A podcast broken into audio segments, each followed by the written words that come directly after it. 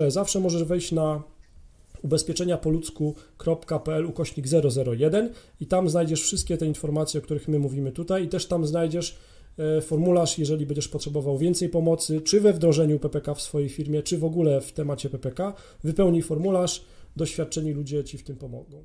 Gdyby ktoś Ci zadał pytanie, właśnie tak, taka, taka firma, która przymierza się do wprowadzenia PPK, jak prowadzić PPK, to, to na pewno jakby no, nie rozpisałbyś tego tylko jako jakby kampanię informacyjną, ale tam jest też pewnie kilka innych jeszcze kroków. Jakbyśmy mogli te kroki, jak wprowadzić PPK w firmie krótko wylistować, to byłoby super.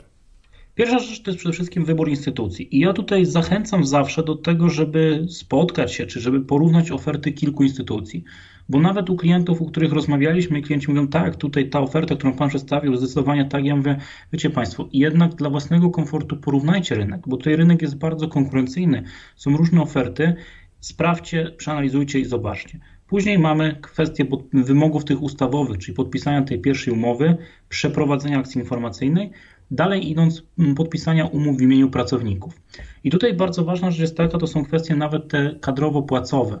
Ja powiem tak e, z własnego doświadczenia, że ten ostatni rok spowodował, że bardzo wzrosła moja świadomość, jeżeli chodzi o przepisy kadrowo-płacowe, bo niestety obsługując PPK, czy mając jakby styczność z tym procesem, nie unikniemy tego, że pojawią się pytania, kiedy naliczyć składki, jak naliczyć podatki, e, jak sobie z tym wszystkim poradzić.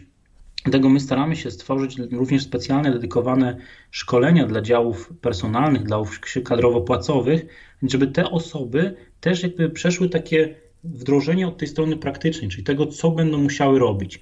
Dalej idąc jest ustalenie pewnych procedur, takich nazwijmy to sobie wyposażenia nawet firmy w druki dotyczące czy rezygnacji, czy zwiększenia wpłat, czy powrotu do PPK, tak żeby w momencie, kiedy pojawia się ten pracownik, który mówi chciałbym coś załatwić, żeby wiedział, jak to sprawnie załatwić.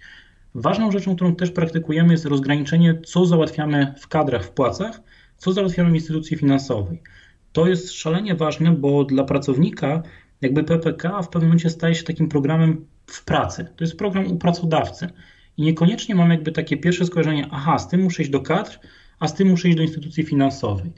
Dedykujemy zawsze też jednego opiekuna lub dwóch opiekunów do firmy, bo zauważyliśmy, że jest to taki proces, który wymaga szalenie dużego zaufania. Generalnie, jak mnie pytają nieraz ludzie, czy warto, czy nie warto być PPK, czy się opłaca, czy się nie opłaca, ja bym powiedział, że jedyne pytanie to jest takie, czy ufamy, czy nie ufamy. Bo opłacalność tego programu jak najbardziej jest.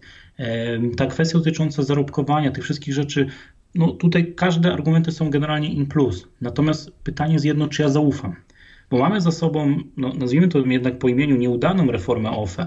Niektórzy też narzekają na kwestie dotyczące książeczek mieszkaniowych. Tak. I w tym całym jakby negatywnym postrzeganiu naszej rzeczywistości finansowej, tych wszystkich reform, które mieliśmy miejsce, no, tak naprawdę ja dzisiaj na każdą taką mm, okoliczność, jak widzę u pracowników, widzę taki trochę pesymizm, którzy mówią, wie pan co, no fajnie to wygląda, ale chyba za dobrze, to się za chwilę zepsuje, to tak nie będzie, z OFE też tak miało być i tak dalej. Więc tutaj jest szalenie ważna kwestia zaufania.